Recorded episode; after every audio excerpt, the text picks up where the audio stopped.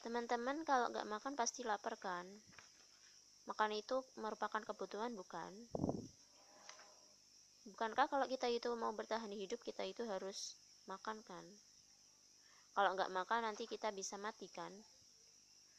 Begitu juga bernafas, kita juga butuh bernafas untuk bertahan hidup bukan?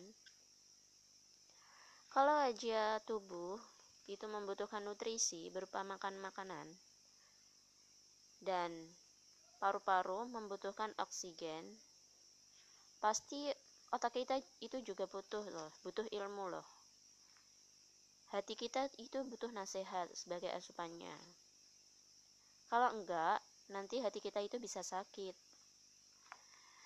Dan otak kita itu berpikir loh teman-teman, berpikirnya itu kadang kita itu dapat informasi yang nanti bisa kita olah ke dalam otak kita, otak manusia. Dan pikiran itu, pikiran kita itu baik atau buruknya tergantung informasi yang kita dapetin loh teman-teman. Kalau aja kita memperoleh informasi yang baik, maka bisa dipastikan mungkin respon tubuh kita juga baik.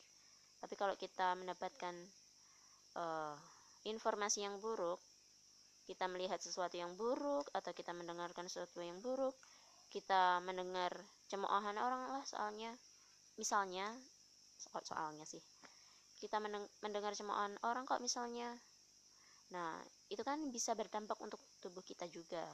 Kalau kita sakit hati ya itu bisa berdampak untuk ta daya tahan tubuh kita gitu.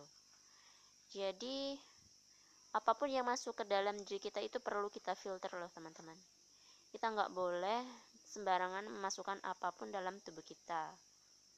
Entah itu pikiran, hati, ataupun makanan bukan? Pastikan kita itu harus menyaring dan memfilter apa yang masuk ke dalam tubuh kita ya teman-teman. Dan gak, gak boleh sembarangan kalau kita memasukkan sesuatu dalam tubuh kita. Karena kalau kita sembarangan nanti bisa-bisa tubuh kita akan rusak gitu.